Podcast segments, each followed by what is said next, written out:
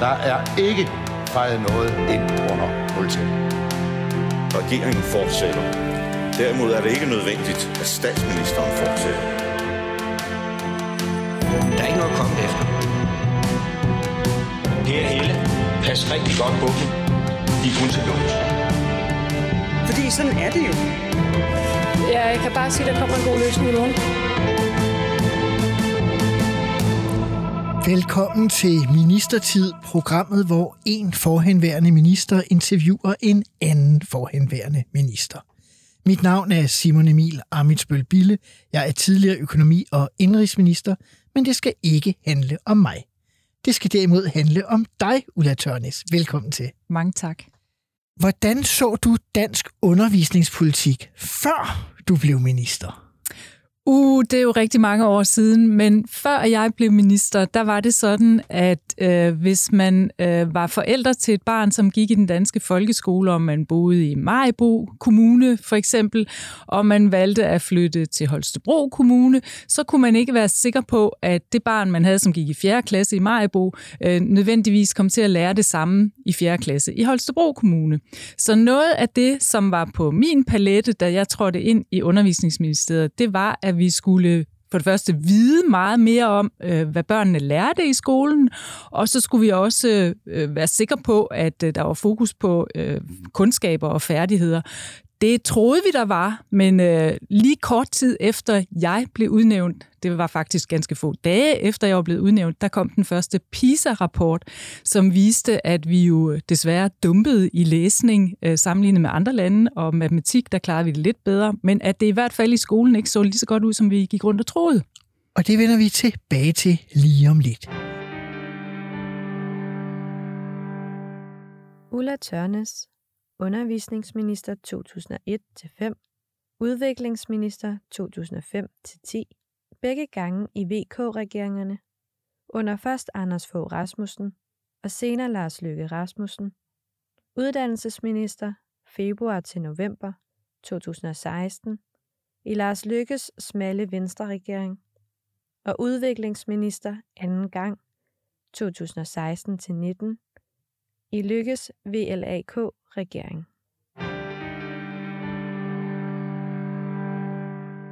Vi skal tilbage til valget i 2001, hvor Anders Fogh Rasmussen vinder en stor sejr og sikrer en borgerlig regering efter ni års socialdemokratisk styre. I hans første VK-regering bliver du altså undervisningsminister, Ulla Tørnes. Hvis vi lige tager det formelle, hvordan foregik udnævnelsen? Jamen, øh, det foregik jo sådan, som øh, vi også kan følge med øh, i medierne i dag. Dengang var der ikke så meget mediefokus på, men, men, men det foregår jo på den måde, at man får den der famøse opringning aften for inden. Aha. Hvor sad du? Ja, jeg øh, sad faktisk i min øh, lille Københavnerlejlighed, øh, fordi det skete meget sent, og jeg sad også og var lidt nervøs for, at jeg måske slet ikke fik den der opringning, fordi øh, jeg var højgravid øh, med mit øh, tredje barn. Øh, og øh, jeg havde jo været politisk ordfører fra 98 og frem til valget, så jeg håbede selvfølgelig på, at øh, jeg stod øh, i den der lille bog, som jeg tror var Anders Foghs øh, drejebog for Aha. så vidt angår regeringsudpeg øh, eller ministerudpegningen. Men, øh, men om aftenen var jeg faktisk ude at spise hos min daværende øh, sekretær i Folketinget med min mand og mine to børn. Og telefonen den kimede konstant, og jeg håbede selvfølgelig hver gang, at det var Anders Fogh Rasmussen, som ringede, men det var det ikke. Det var henholdsvis øh, Jyske Vestkysten, som dækker mit, øh, min valgkreds, Aha. og så var det min far, øh, som jo selv er tidligere minister, og som jo, som jo øh, godt kunne sætte sig ind i, øh, hvor mange sommerfugle, der fløj rundt ind i min mave den aften. Aha. Men der, der skete det, at jeg sendte min familie hjem, og min far ringede, og så blev vi enige om, om det var så ikke lige min tur i den her ombæring, og det kunne også være, at Anders han tog nogle familiemæssige hensyn. Så det noget lige at blive lidt skuffet? Ja, noget sådan lige at skulle vende mig til tanken tanken om, at det var så ikke lige mig, der Aha. skulle stå der foran Amalienborg. Men så ringede telefonen, og så var det Anders Fogh Rasmussen. Aha. Og jeg har sidenhen faktisk spurgt ham om, øh, hvorfor han ringede så sent. Og øh, dertil svarede han, øh, jeg vidste, du vil sige ja. og det havde han jo fuldstændig ret i. Så de besværlige så- bliver spurgt først? Ja, det tænker jeg. Der var nogen, der skulle fra Jylland over. Der var blandt andet øh, Helge Sander, som lige var blevet valgt til borgmester i Herning, og det skulle han jo lige på en eller anden måde øh, vristes fri af de Aha. opgaver, han havde der. Øh, men, men udover at Anders Fogh Rasmussen vidste, at jeg ville sige ja, så øh, sagde han også, at jeg vidste, du var i København, fordi at øh, jeg sad med i øh, som politisk ordfører i ledelsesmøder, vi havde. Øh, så derfor, Altså i Venstre? Ja, i Venstre. Ja. Så derfor vidste han, at, at, jeg- at jeg var around. Ah. Øh, så det var så i hvert fald hans begrundelse for, hvorfor han lå mig stege der øh, hele aftenen. Og min familie kørte hjem, øh, og øh, ja, øh, så var det så, han ringede. Du nævnte før øh, i åbningsspørgsmålet det her med fagligheden på mm. folkeskoleområdet. I forbindelse med VK-regeringen lancerer at få sin, ved sin åbningstale i Folketinget det, der hedder en plan for de første 100 dage. Mm. Og der er to ting på dit område. og Den ene, det hedder, der indledes forhandlinger om en styrkelse af det faglige niveau i folkeskolen. Ja. Hvordan greb du det an, når du nu havde fået de der dårlige PISA-resultater og skulle levere faglighed? Ja, PISA, PISA-undersøgelsen kom jo faktisk først efter vi havde præsenteret øh, regeringsgrundlaget, og efter jeg Okay. var blevet øh, udpeget. Men noget af det, som øh, jeg valgte at have fokus på, det var det her med, at vi skulle være sikre på, at børnene lærte det samme, uanset hvor i Danmark man gik i folkeskolen. Og for at kunne vide det, så var vi også nødt til at have nogle sådan mere fastsatte mål for, hvad man skulle lære på de forskellige klassetrin. Mm-hmm. Og så var der et øh, venstre ønske, som vi havde arbejdet med i mange år, mens vi var i opposition. Det var simpelthen, at vi ville have, at øh, børnene skulle have flere undervisningstimer. Øh, og det gik jeg så i krig med. Øh, og jeg siger krig, Ja. fordi det var der ikke just opbakning til, hverken hos Danmarks Lærerforening, det kan man undre sig over i dag, men det var der faktisk ikke. Og det var der heller ikke hos blandt andet Socialdemokratiet, det radikale venstre og, Og der var en andre. folkeskoleforligskreds. Der var en forligskreds, som jeg selvfølgelig var nødt til at arbejde indenfor, og det kunne vi ikke blive enige om, Aha. hvordan, hvordan det skulle foregå. Hvad gjorde I så? Det var, var det, ikke, det var ret dramatisk, så vidt jeg Det var ret øh, dramatisk, og det, der gjorde det ekstra dramatisk, det var også, at, og det er måske det punkt to, du kommer til, det var, at øh, vi skulle øh, have afskaffet kravet om øh, modersmålsundervisning i folkeskolen. Ja, det var det andet punkt, der stod i det der 100-dages program på undervisning. Det ville vi have gjort til en øh, frivillig sag for kommunerne, at kommunerne kunne tilbyde modersmåls, modersmålsundervisning øh, til, øh, til børn, som, som, som havde dansk som, øh, som andet sprog. Øh, og det, der var sagen dengang, det var, at øh, børnene de blev hævet ud af danstimerne for så øh, at gå ned til modersmålsundervisning eller gå hen på samme tidspunkt? Ja, og det var helt tudetosse, fordi så gik de jo glip af undervisning i dansk og matematik og hvad Aha. der ellers var af fag i folkeskolen, og det ville vi simpelthen have lavet om på. Det kunne vi heller ikke opnå enighed omkring, og der var øh, dengang en voldsom øh, debat, også blandt forskere, om hvad der egentlig var det bedste, Aha. altså om man skulle blive stærk i øh, dansk, eller, eller, eller man skulle først være stærk i sit modersmål, og at det var en offentlig opgave i skolen at sikre, at man øh, blev undervist i sit modersmål. Det var der en hel masse øh, debat om øh, Aha, dengang. Men det korte og lange, det er, at øh, det endte med et øh, nyt folkeskoleforlig, hvor øh, de konservative, som jo var med i regeringen, men som ikke var med i det forlig, som, øh, som Ole V. Jensen havde lavet. Den radikale Den undervisningsminister. radikale undervisningsminister øh, nogle år forinden, faktisk næsten 10 år forinden, lavede Ja, han... der var lige Vestager ind imellem. Ja, der var lige Vestager ind imellem, ja. ja, ja. Øh, de kom med, og så kom øh, Dansk Folkeparti også med, og så øh, var Socialdemokratiet, de blev øh, heldigvis øh, i kredsen. Så var det radikale Venstre og SF, øh, de røg så ud, Aha. øh, fordi de simpelthen ikke kunne leve med, at øh, vi skulle have øh, så stærkt et fokus på, på kundskaber og færdigheder flere timer, og jeg lagde også allerede derop til, at vi skulle have nogle fastsatte mål på de forskellige klassetrin, med henblik på, at vi også kunne teste øh, børnene i skolen. Man havde haft under Vestager, jeg tror noget, hed det klare mål, eller mm-hmm. sådan noget, og I lavede, som var sådan nogle vejledninger Ja, omkring målsætninger, ja, og dem lavede I så... Og det lavede vi så mere sådan faste rammer Aha. ja, for. Men var det... Og det var, det var, det var fuldstændig berettiget. Fuldstændig berettiget. Og det får mig også til at sige, at øh, jeg mener faktisk, at jeg dengang der i starten af nullerne tog rigtig mange politiske øretæver for mm-hmm. at bane vejen for, hvad jeg tillader mig at kalde et paradigmeskifte i vores undervisningspolitik, fordi der kom mere fokus på kundskaber og færdigheder. Børnene fik flere timer øh, i skolen i nogle af kernefagene. Vi fik fremrykket sprogundervisning, og vi fik gjort børnehaveklassen obligatorisk også, så der skete faktisk rigtig, rigtig mange gode ting ting, men for søren, hvor fik jeg mange politiske tæv øh, på den konto.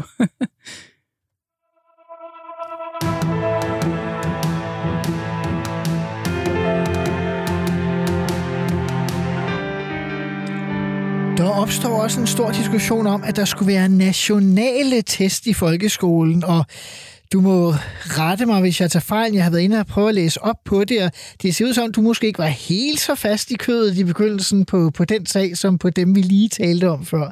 Hvad, hvad skete der egentlig?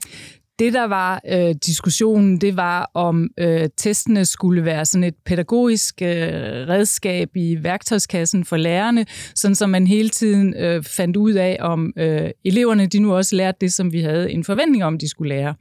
Og det var så op imod, at vi skulle lave sådan et amerikansk system, hvor man, hvor man øh, sad inde i en gymnastiksal eller et eller andet og lavede sådan en multiple choice øh, test. Aha. Og der skete rigtig meget øh, sådan udviklingsmæssigt. I Norge for eksempel, der lavede man sådan nogle, man kaldte adaptive test. Øh, og, og det, øh, som tilpasser sig svarene. Som tilpasser sig svarene. Og det synes jeg faktisk øh, var rigtig, rigtig spændende. Øh, og, og endte så faktisk med at tænke, at den måde, man havde lavet det på i Norge, det kunne også passe til den danske folkeskole. Og øh, sådan endte det faktisk. Øh. Men når man læser øh, artikler fra den tid, så ser det ud som, at du var sådan lidt hvad kan man sige, tilbageholdende med at indføre testene, mens at konservativ og Dansk Folkeparti pressede på og brokkede sig over undervisningsministeren. Det er fuldstændig rigtigt, men øh, jeg skulle jo holde fast i, eller jeg skulle holde sammen på folkeskole forlis aftalekredsen, fordi Aha. vi var jo en ny kreds, øh, og, og der var det vigtigt, at vi ikke en gang til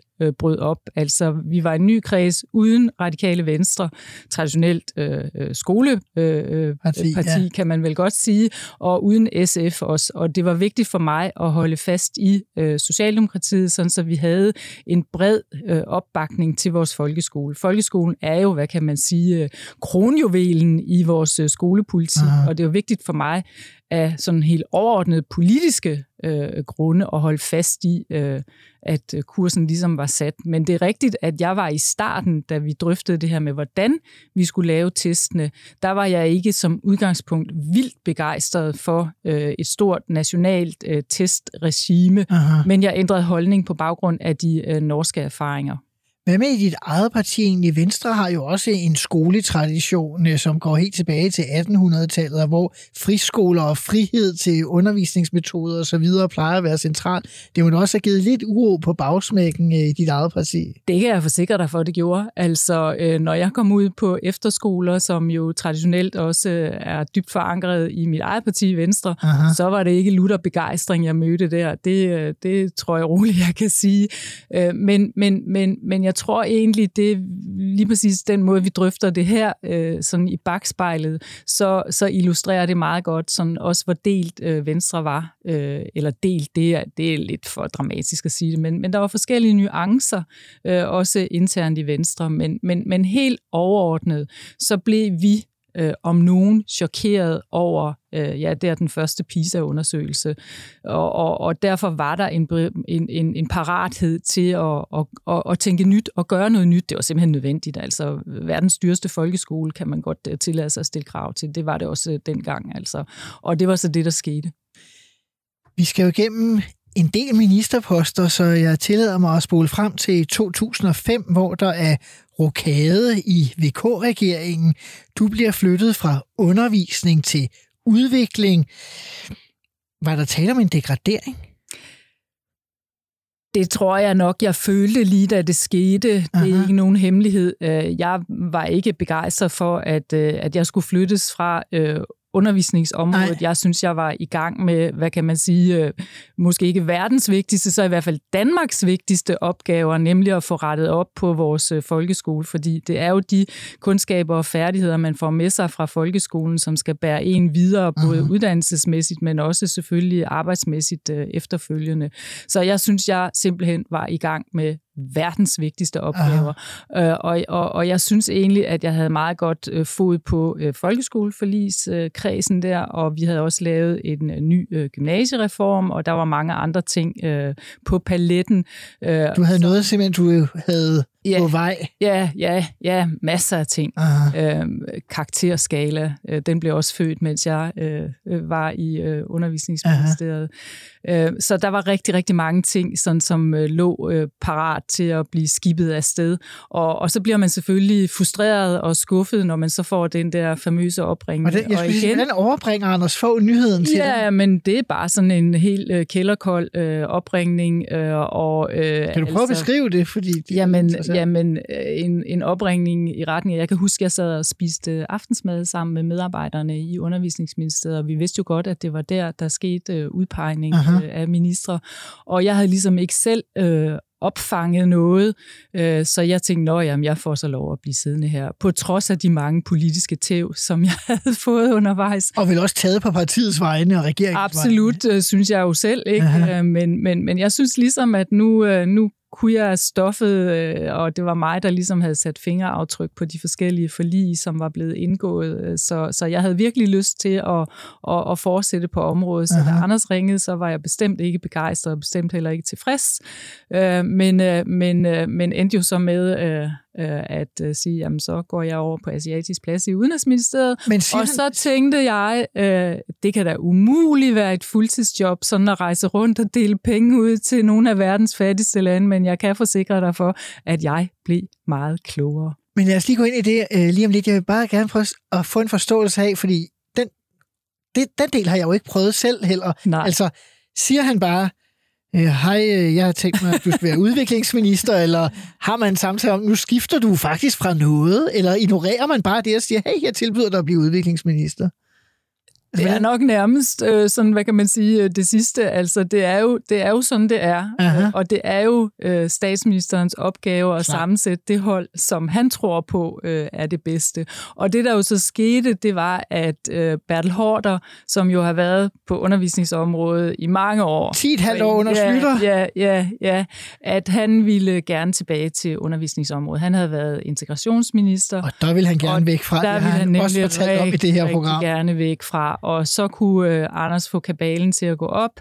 Øh, men han ville rigtig gerne have, at jeg fortsatte i regeringen. Det er jo sådan noget med kvinder og ikke kvinder og geografi og sådan noget, tænker jeg også, han skulle have til at gå op i en højere enhed. Jeg er valgt i Vestjylland, og, og der vrimler det ikke sådan lige øh, med, med, med, med politikere. Der er jo flere, der er valgt øh, i, i de tættere befolkede egne. Ikke? Så, så, så øh, jeg endte med at sige ja, og, og var der super ked af det, øh, og tænkte, hold da op, hvordan skal jeg få tiden til at gå her? Jeg var vant til lange forhandlingsforløb, jeg var vant til rigtig mange forhandlinger med Folketinget, forskellige forligskredse, der skulle plejes, og en hel masse aktører på området.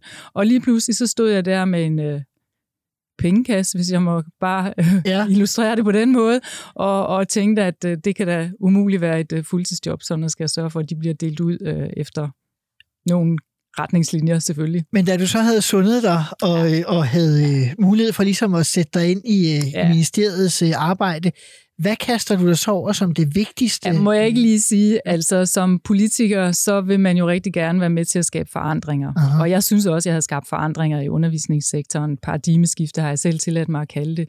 Men på udviklingsområdet, og når man øh, repræsenterer Danmark og har ansvaret for dansk udviklingsbistand, så kan man virkelig gøre en forskel. Og Det bliver meget konkret. Det, det bliver ufattelig konkret, og nu kan det lyde sådan helt, øh, øh, hvad hedder sådan noget, højstemt, men det er jo også en forskel, der kan betyde liv og død for andre mennesker.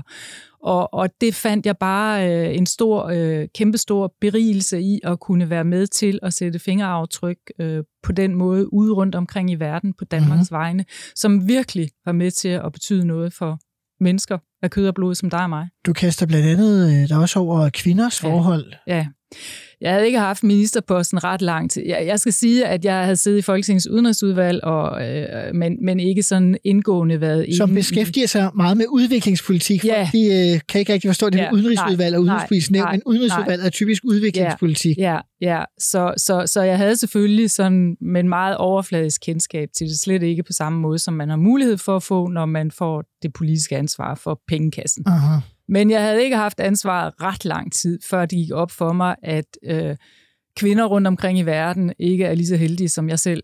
Altså super øh, privilegeret og heldige og, og, og have alle de muligheder, man har som, uh-huh. som kvinde i Danmark, og som, ja, som i hele taget selvfølgelig i Danmark. ikke. Men, men, men jeg havde mødt på et meget tidligt tidspunkt en række kvinder, som øh, fortalte om deres livshistorie, og blandt andet mødte jeg en kvinde, som fortalte mig, at hendes øh, mand var gået bort, og så fortalte hun mig, hvad der så skete. I Danmark, så ville man jo arve ægtefælden, og, og, og så mm-hmm. et eller andet sted jo forsøge at komme videre derfra. Men det, der skete for hende, det var, at øh, i stedet for, at hun fik råderet over det jord, som havde været familiens forsørgelsesgrundlag, øh, øh, så gik hun i arv til mandens bror. Hun gik i arv? Hun gik i arv, så manden havde retten til at, altså broren havde retten til at bestemme over hende. Hey. Og det er jo bare sådan noget, øh, der virkelig berørte mig. Hårene rejser sig jo ja, armene, ja, du siger altså, det her. at man ikke selv har ret til at bestemme over sit eget liv, ikke selv har ret til at bestemme, hvornår man vil have sex, og med hvem man vil have sex, og dermed heller ikke ret til at bestemme over, hvor mange børn man sætter i verden.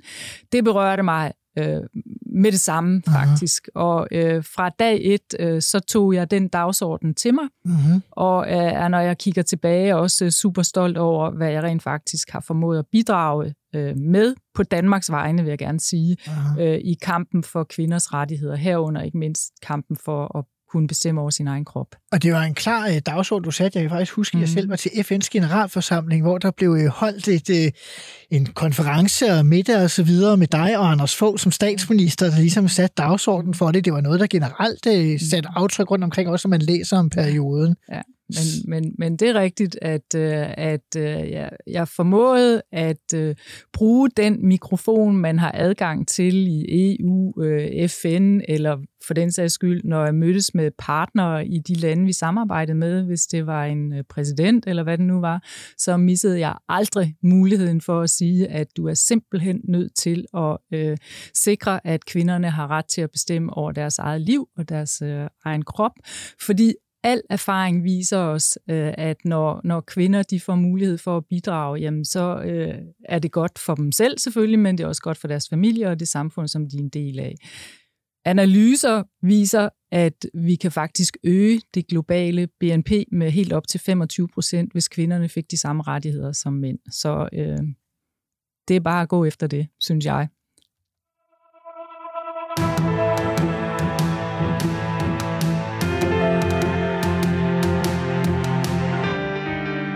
Skal til det, der hedder fem faste spørgsmål. De samme fem spørgsmål, som alle de ministre, der kommer ind i udsendelsen, bliver stillet meget forskellige svar. Øh, du svarer kort og langt, som du har lyst, øh, og det kan være, at jeg så stiller uddybende øh, spørgsmål. Det første, det er, og det er på tværs også af de ministerposter, vi ikke har været inde på endnu, altså alle de fire gange, du har været minister. Hvad vil du gerne have udrettet som minister, som du ikke nåede at komme i mål med? Som jeg ikke nåede at komme i mål med. Øh, altså, øh, der hvor jeg var kortest tid, det var jo så i Uddannelses- og Forskningsministeriet, Aha. og der ville jeg rigtig gerne have banet vejen for øh, både en taxameterreform og rigtig mange andre, øh, altså finansieringen af vores øh, uddannelser. Aha. Øhm, du sagde også, du havde tænkt på paletten i undervisningsministeriet, da du masser, blev Der var en reform af læreruddannelsen, og der var som sagt også karakterskalaen, øh, som, som var sat i søen, men som var, ikke var endelig godkendt eller vedtaget, øh, før jeg forlod ministeriet. Hvad var din ministertids værste øjeblik? Jeg tror sådan på det personlige plan, der har det værste været, når jeg har stået derude øh, og set på øh, sultne børn. Øh, som udviklingsminister? Som udviklingsminister. Det tager man med sig.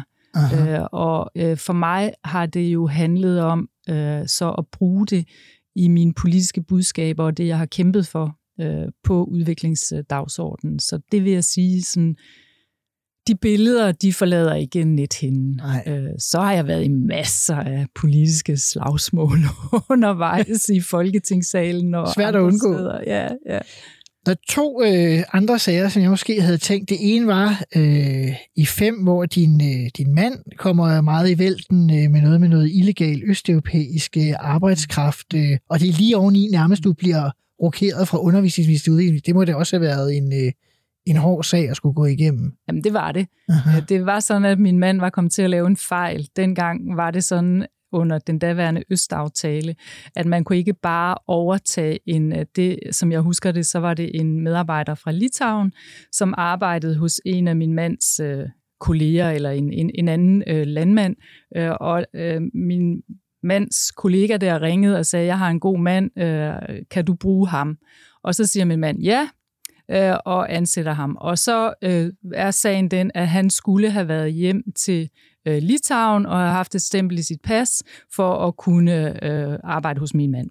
Der er rigtig mange, der forveksler det med sort arbejde. Øh, det er ikke det, der er sagen. Han fik selvfølgelig den øh, løn, som, som han skulle i henhold til øh, reglerne, men, men det var simpelthen opholdsgrundlaget, som ikke var øh, fuldt ud på Og plads. derfor man have det illegal arbejdskraft, ja. Ja. det er fordi, der var Ja. noget galt med opholdsgrundlaget. Præcis. Måske i virkeligheden noget, der i dag minder mere om noget, der kan ske med folk uden for EU, som jo også kan risikere Ja. at skulle flytte hjem i forbindelse med familiesammenfør og andre ting, før de kan komme tilbage igen. Ja, Østaftalen var jo øh, nogle overgangsbestemmelser, Aha. Som vi valgte. Man kunne, man kunne dengang efter udvidelsen vælge at lave en overgangsperiode for øh, arbejdskraft fra de nye øh, medlemslande. Altså før der var fulde regler, eller Ja. fuldt øh, re- Ja, implementerede regler også for folk fra og, de og, østeuropæiske det, og lande. det valgte vi at gøre i Danmark, og øh, det var min mand så ikke opmærksom på, den der lille finte med, at man skulle altså øh, lige hjem og runde hjemlandet, før man måtte skifte arbejdsgiver i Danmark.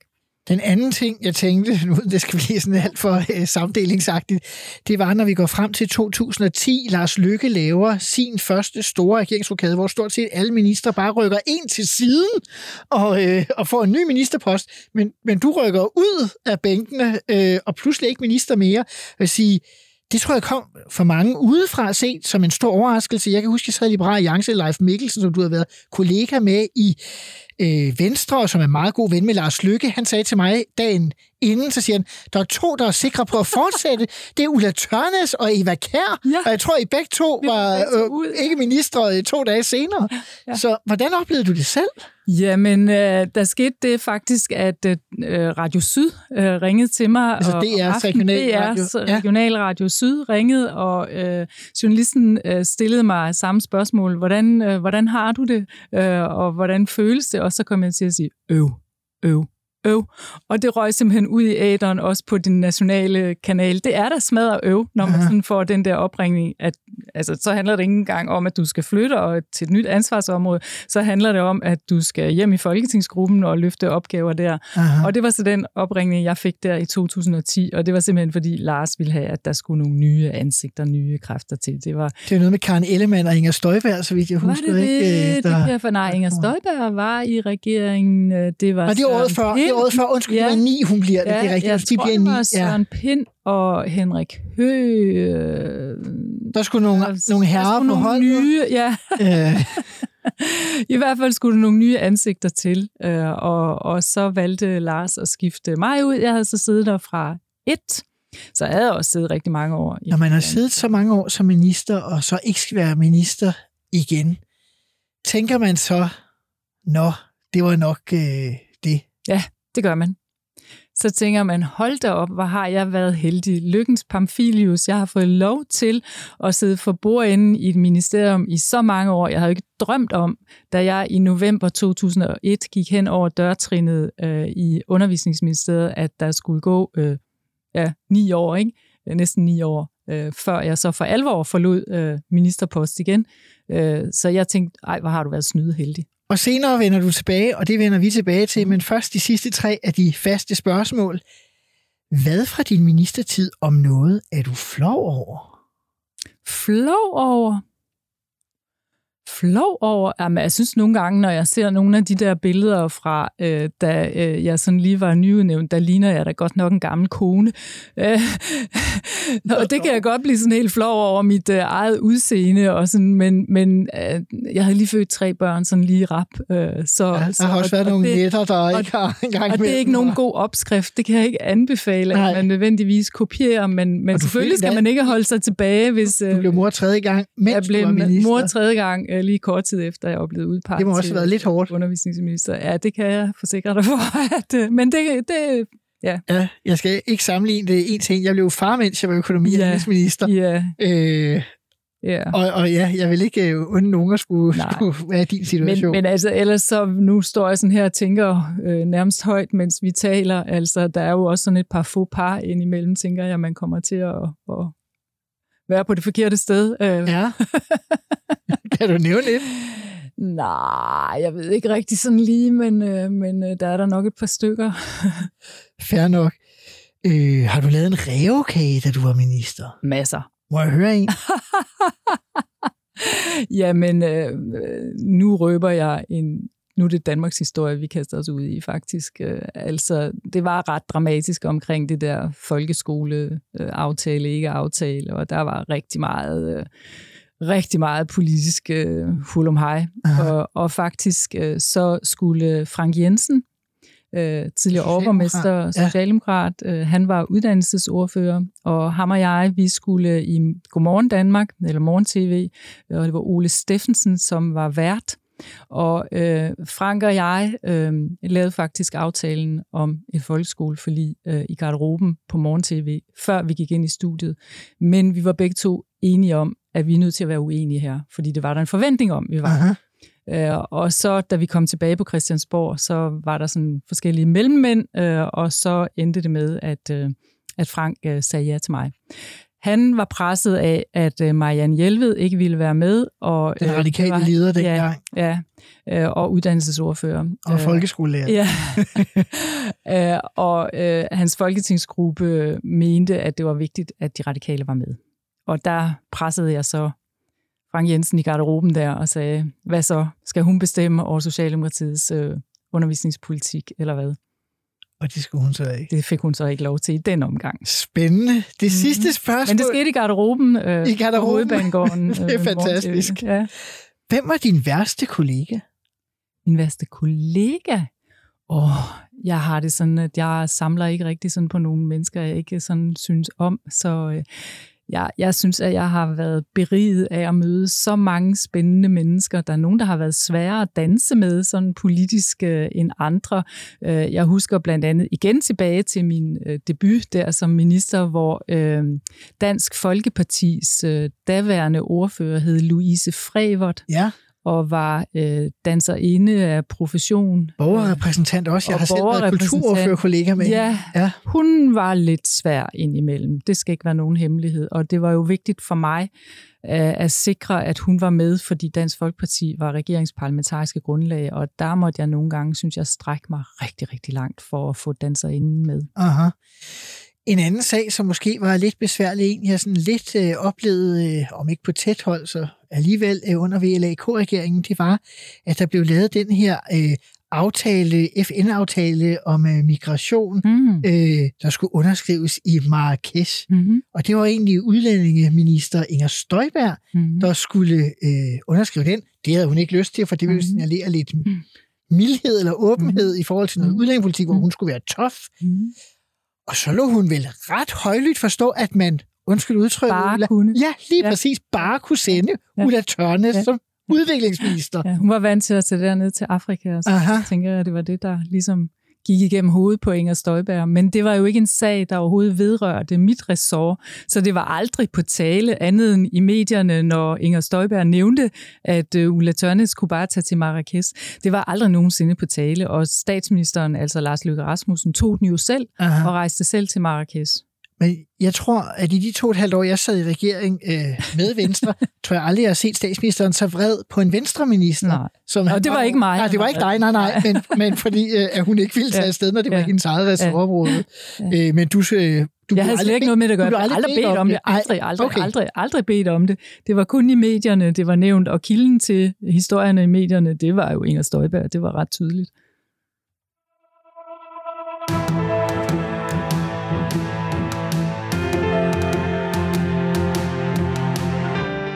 Som vi talte om, så holdt du op som minister efter ni år i 2010, og meget sker. Du forsøger at blive borgmester. Øh, Det lykkedes ikke. Det lykkedes til gengæld at komme i Europaparlamentet.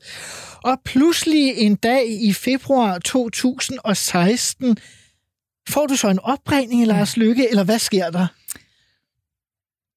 Der sker det, at jeg sidder nede i Europaparlamentet, og øh, ah, det er faktisk weekend, så jeg er hjemme i Danmark. Øh, men, men, men for inden har der været alt det her på styr med øh, landbrugsparken, og de konservative er meget kritiske over for den smalle venstre regering, og jeg kan slet ikke øh, substansen i detaljerne. I, og jeg var selv der. med på Marienborg ja. i de frygtelige forhandlinger Nå. om landbrugsparken. Ja, så du kan mere om det, end, end, end jeg kan. Det var meget men, voldsomt. men det korte og lange, det er i hvert fald, at øh, Eva Kjær Hansen blev voldsomt kritiseret.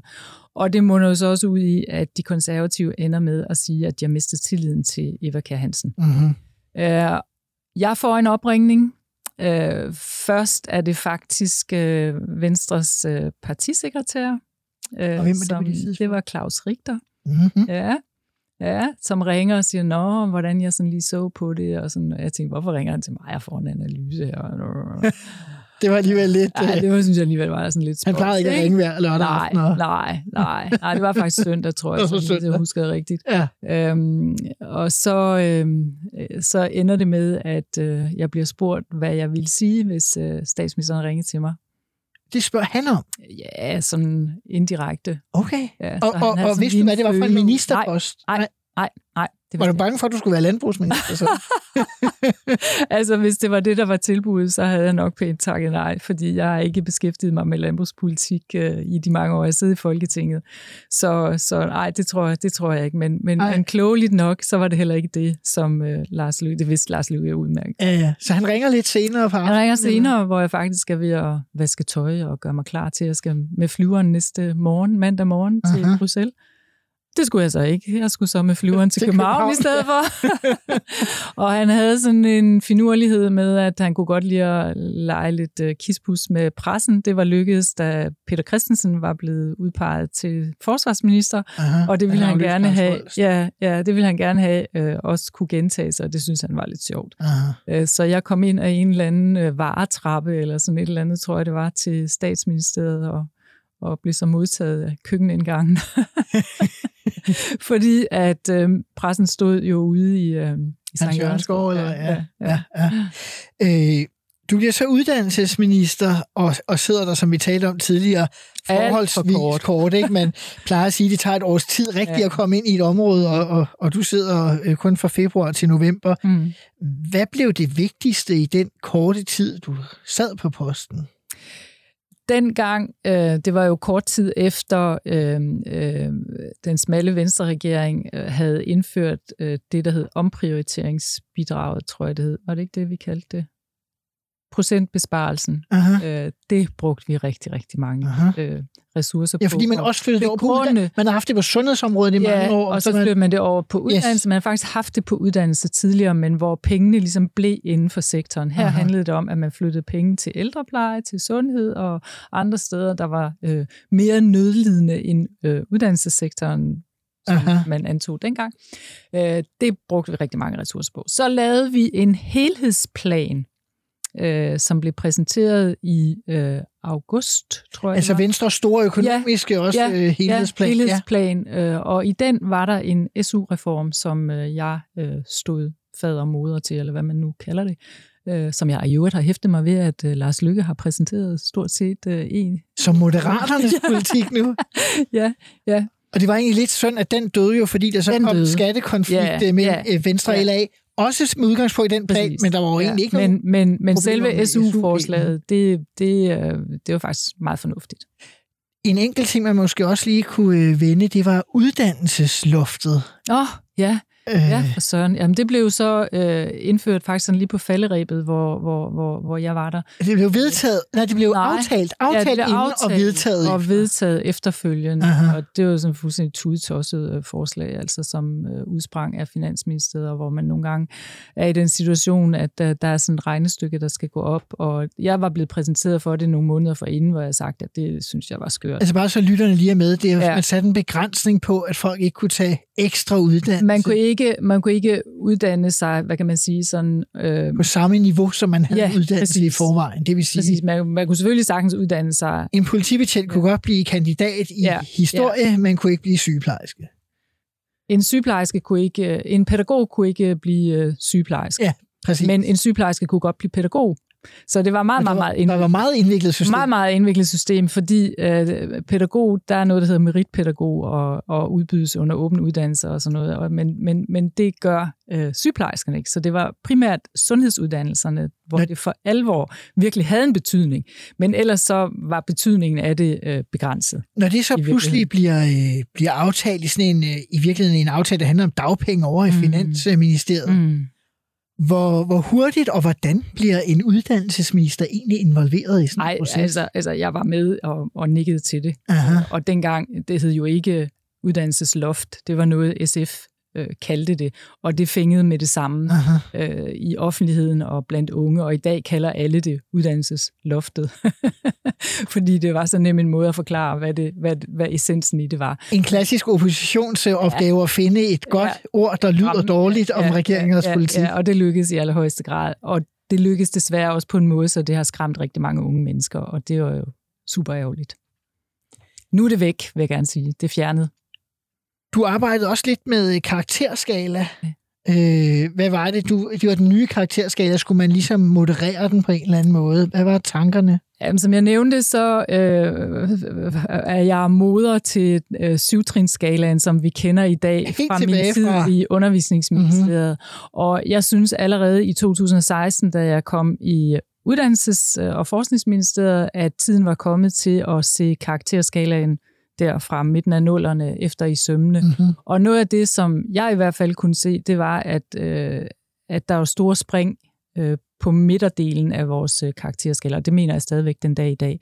Og jeg mener faktisk, at noget af det er med til at, at presse de unge, særligt i gymnasiet, fordi det betyder så meget, om man får syv eller man får 10, fordi vi jo på vores videregående uddannelser optages på baggrund af gennemsnittet. Mm-hmm. Så jeg mener stadigvæk, at der er behov for, at vi øh, får justeret eller moderniseret, eller hvad man nu vælger at kalde det, vores, øh, vores karakterskala.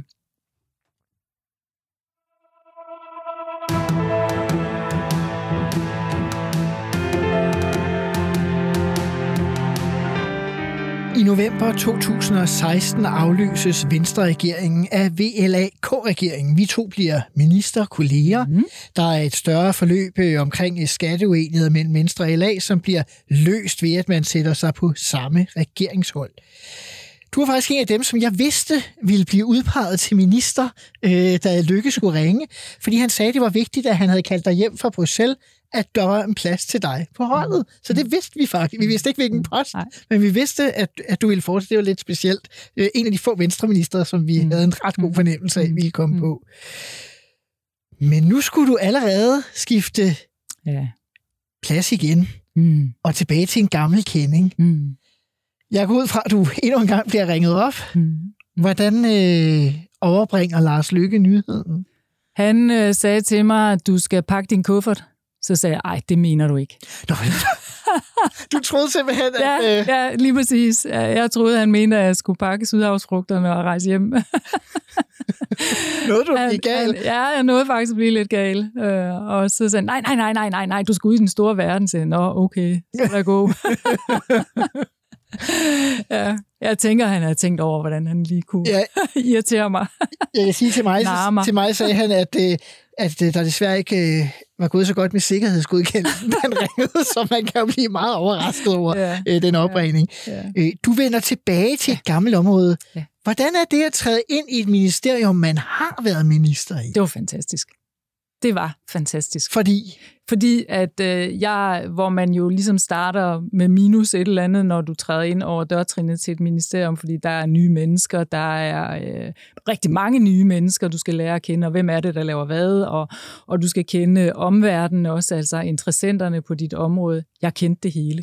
Så øh, jeg startede på level et eller var, var andet. der en stor del af medarbejderne, der øh, efter de her, øh, hvad bliver det alligevel, over seks Ja, år, der det var var der. de samme? Det var der. Ja. Ja. Det var der. Altså selvfølgelig lige dem tæt omkring mig øh, var, var, var selvfølgelig nye, altså ministersekretariatet. Fordi det er typisk Yngre. meget dygtige med, medarbejdere, der ryger over ja, i systemet. Præcis, præcis, ja. ja. Men, men, men i huset og rundt omkring, og også i øh, omverdenen, altså organisationerne og sådan noget, var der øh, stor øh, gensynsglæde fra min side i Aha. hvert fald, øh, og det var fantastisk.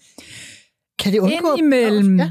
blev jeg ramt lidt af, at øh, det var mig, der var hukommelsen, og det er ikke øh, nødvendigvis øh, sundt. At det er politikeren, der er hukommelsen, og ikke systemet. Ja, ja, Kan du prøve at uddybe ja, det lidt? Ja, ja men så noget med, øh, hvad man havde gjort tidligere, og hvordan vi kunne gøre tingene og sådan noget. Det, det følte jeg selv var sådan lidt, ah, det er ikke øh, den helt rigtige opgavefordeling her. Blev du ramt for meget af, det har vi prøvet og den slags? Nej, det synes jeg ikke. Det Nej. har jeg generelt ikke tendens til, Nej. men, øh, men, men, men der var sådan lidt, øh, jeg tænkte, åh, oh, det har vi vist øh, prøvet en gang før, det der, men øh, lad os da bare... Men når nu man skulle sørge for, altså når man har været minister for et område Mm. fem år tidligere, og nu øh, Mm. så kommer det igen, Mm. hvordan sørger man for, at det hele ikke bare bliver en reprise eller en fortsættelse? Ja, men det er jo lige præcis det. det Ja, lige hvad gjorde du det. for at, at sikre dig imod altså, det? Altså jeg vil sige, mulighederne var anderledes, øh, og, og det der skete, altså nu er vi så på den store politiske klinge, Mm-hmm. men det der skete lige efter øh, jeg var blevet øh, genudpeget som, som udviklingsminister, det var, at øh, Donald Trump blev valgt øh, i USA En præsident, ja. som præsident, og han underskrev øh, et dekret, altså en lovgivning, der har effekt med det samme. Det Aha. har han jo øh, for. magt til øh, at gøre. Øh, og det, han underskrev, det er det, der hedder Mexico City Policy, som betyder, at øh, amerikanske skattekroner ikke kan gå til at støtte organisationer, som i en eller anden udstrækning arbejder med noget, der ligner øh, abort. Aha. Og det betød, at, øh, at rigtig mange organisationer, der arbejder med familieplanlægning, øh, altså adgang til prævention øh, i øh, Afrika særligt, mhm. mm-hmm. øh, at de pludselig stod uden nogen form for finansiering. Mm-hmm. Og der valgte jeg øh, sammen med min daværende hollandske, belgiske og svenske kollega, øh, De klassiske humanistiske stormagter. Ja, ja, vi fandt ret hurtigt sammen øh, og lavede en, øh, et øh, øh, netværk, øh, som vi kaldte She Decides, og vi holdt en konference i øh, Bruxelles. Øh, og pointen var, at folk ligesom skulle, vi bad alle andre landedonorer, altså Finland og Tyskland og alle, Aha. om ligesom at gå hjem og støvsuge, om de havde nogle midler, de ikke havde besluttet, hvad skulle bruges til, og så skulle de sende dem afsted til de organisationer, som arbejder med de her vigtige områder. Og det handler jo simpelthen om at sikre, at øh, piger ikke bliver giftet bort i en alder af, af 12-14 år, bliver Mhm. gravide, og, Mhm. og, og, og det handler også om, at de ikke bliver lemlæstet, for, for, fordi at de uønsket bliver øh, gravide. Aha. Øh, så det handler om menneskeliv. Kunne man få opfyldt det krone for krone? Nej, eller? det kunne vi ikke. Ej. Amerikanerne er så stor en, øh, en økonomisk spiller, så det kunne vi ikke. Men, men, men vi kom til at udgøre, og øh, organisationen findes stadig. She Decides har hovedkvarter i London. Øh, vi kom til at udgøre en meget stærkt øh, talerør for øh, kvinders rettigheder i FN-sammenhæng, øh, i Verdensbanken, øh, i, øh, i EU selvfølgelig også. Mhm. så, så det er faktisk ret stolt over, at jeg var med til. Nu øh, er præsidenten så en anden, og, og man har revet det der dekret over, og nu er amerikanerne tilbage på banen, og det er rigtig, rigtig godt. En anden øh, sag, det er, at øh, før godt nok, at du bliver øh, udviklingsminister, så kommer der jo de her øh, store øh, flygtningestrømme øh, op øh, til Europa efter krigen i, i Syrien. Og der er jo også diskussioner omkring både, hvordan, øh, hvordan skal vi hvordan bruger vi pengene til at indkvartere og til at tage sig af dem og sådan noget. Der var mange diskussioner omkring, kunne man, er det rimeligt at bruge dem i forhold til udviklingsmidlerne? Mm. Mm. Hvordan oplevede du den diskussion? Jamen helt kælderkoldt, øh, så er det sådan, at OECD, som vi jo er medlem af, har lavet nogle spilleregler for, hvordan man definerer udviklingsbistand. Og de regler fulgte vi. Og det betyder, at man inden for de første 12 måneder kan bruge udviklingsbistand til øh, altså husly og til forsørgelse af øh, flygtninge, altså folk, der er Mhm. spontanflygtninge, eller øh, som har øh, opnået asyl. Og det var der jo ikke nogen af dem, der nåede at få de første 12 måneder. Øh, så helt kælderkoldt, øh, så var det sådan, øh, regel, eller så er det sådan, reglerne er, og de regler fulgte vi. Øh, det er der selvfølgelig nogen, der ser anderledes på, fordi hvis man sådan opgør det sådan øh, meget øh, øh, simpelt, øh, så øh, kunne man opgøre det på en måde, sådan så Danmark faktisk øh, indirekte var den største modtager af dansk udviklingsbistand. Og, og det kan man måske godt tænke, nå, øh, og det er nu lige særlig smart. Aha. Ja, det var smart. Det var den bedste måde, hvorpå vi kunne hjælpe en øh, stor øh, gruppe af flygtninge øh, ved at finansiere det på den måde. I 2019 er der valg, et, øh, et meget specielt valg, uden vi skal gå, gå ind i det. Øh, statsministeren udgiver en, øh, en bog midt i valgkampen, om man ikke vil nærmest vil fortsætte hverken med regeringen eller det borgerlige flertal. Der havde ikke været en meningsmåling i hele VLAK-regeringens levetid, der sagde, at den ville fortsætte, så måske en af de mindre overraskelser, at det måtte stoppe. Men det er jo faktisk den eneste gang, du stopper som minister, fordi vælgerne mm. beslutter det. Det har altså, ellers har det været, været statsminister, der har mm. rykket rundt på dig. Mm. Øh, hvordan oplevede du det?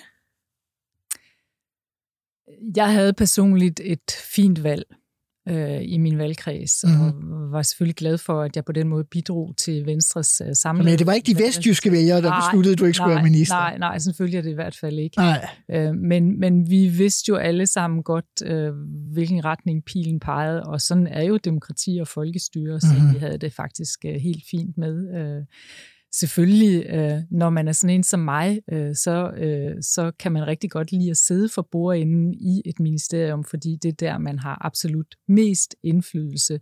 Men, men, men jeg er en stor beundrer af vores øh, folkestyre, altså af vores arbejde i Folketinget, mm-hmm. så, så, så jeg har det helt fint med, eller der i 19, at, at nu var det andre opgaver, der skulle løses.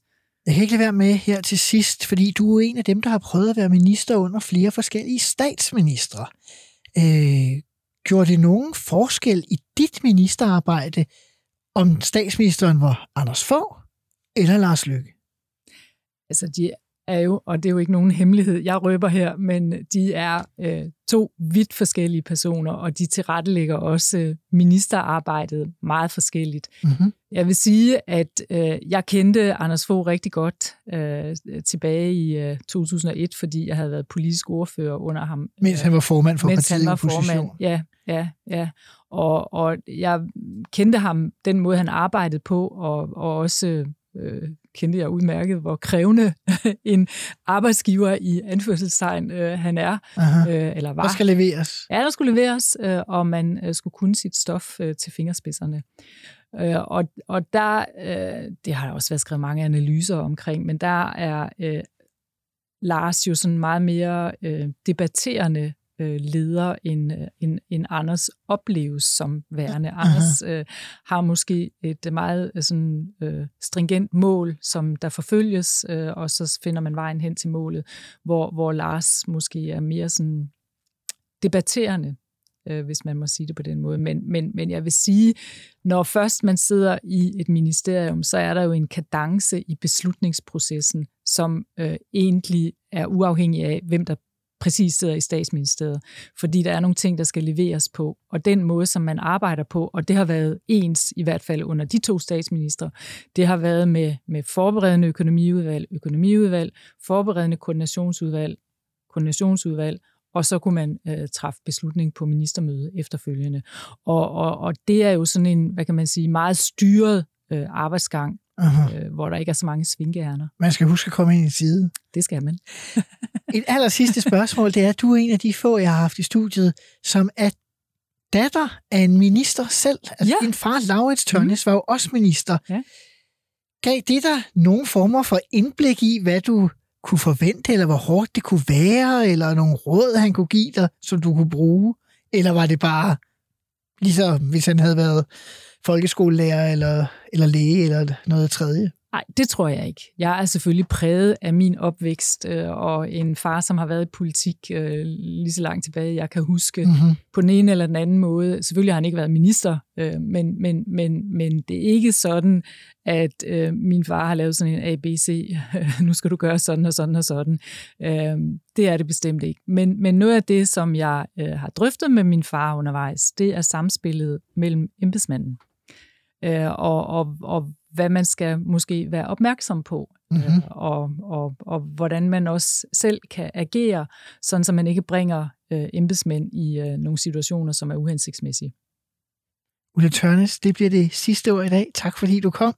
Velbekomme. Mit navn er Simon Emil Amitsbøl Bille, og du har lyttet til Ministertid her på 24-7. Jeg er tilbage igen i næste uge med endnu et afsnit og endnu en forhenværende minister.